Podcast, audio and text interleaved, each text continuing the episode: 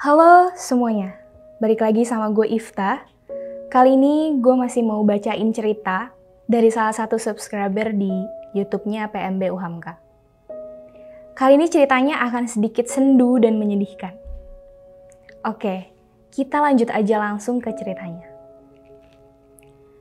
Mudik tanpa keluarga. Halo, sebelumnya aku mau ngucapin terima kasih buat tim PMB Uhamka kalau cerita ini bakal dibacain nantinya. Jadi, cerita ini berawal setelah aku pindah ke Yogyakarta dua bulan yang lalu. Aku memutuskan untuk pulang ke rumah Eyang di sana. Bersama dua kakak saudara perempuanku yang juga tinggal di sana membantu untuk mengurusi Eyang yang sudah lanjut usia sekarang ini. Sudah lebih dari satu bulan tinggal di Jogja, rasanya benar-benar membuat pikiran dan hatiku yang cukup terganggu sebelumnya menjadi lebih tenang. Pindah ke Jogja pun mengingatkanku dengan memori masa kecil yang kesehariannya selalu diurusi sama Eyang satu-satunya nenek yang bisa menjadi pendengar yang baik dan mengerti keadaanku meski aku nggak selalu menceritakan sesuatu dengan detail. Tapi, Eyang pasti tahu apa yang aku rasakan di balik semua itu. Alasanku untuk pindah ke Jogja karena bukan rindu rumah kecilku. Bukan karena harus ikut ngejaga Eyang, dan bukan karena aku ingin. Tapi karena aku harus ke makam ibu dan ayah di sini. Kesannya ya memang aku mudik. Pulang ke Jogja. Tapi tahun ini aku harus mengikhlaskan kalau bulan Ramadan tahun ini aku tunggal. Iya, Ayahku sudah meninggal sejak usiaku lima tahun, sedangkan ibu baru menginjak delapan bulan yang lalu. Memutuskan untuk ikut bersama ayah. Ibu sakit, jantungnya kambuh, dan saat itu aku sedang tidak sama ibu. Kalau diingat-ingat, aku terkadang masih menyesali hari itu.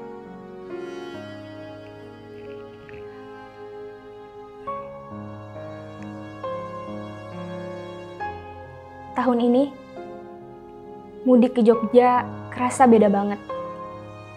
Sepi. Cuma sama Eyang dan kakak saudara perempuanku. Sehari-hari kondisi di rumah itu sunyi banget. Apalagi masuk minggu-minggu terakhir puasa. Sebentar lagi Idul Fitri. Yang seharusnya ngumpul di rumah Eyang, sekarang ngumpulnya di makam ibu dan ayah.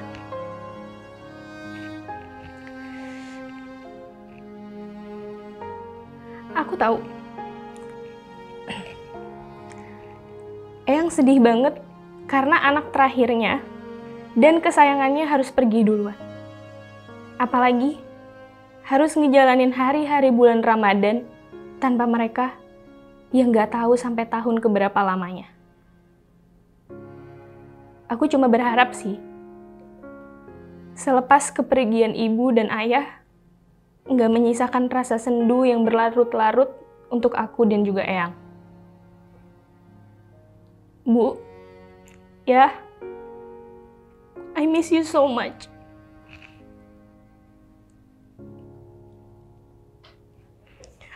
Baik-baik ya di sana.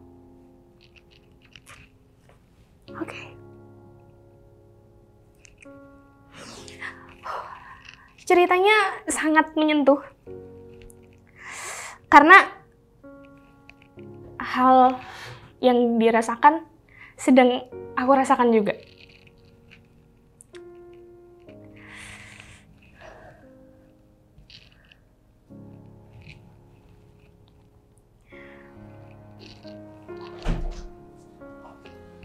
Bagus sih, Gue tadi mau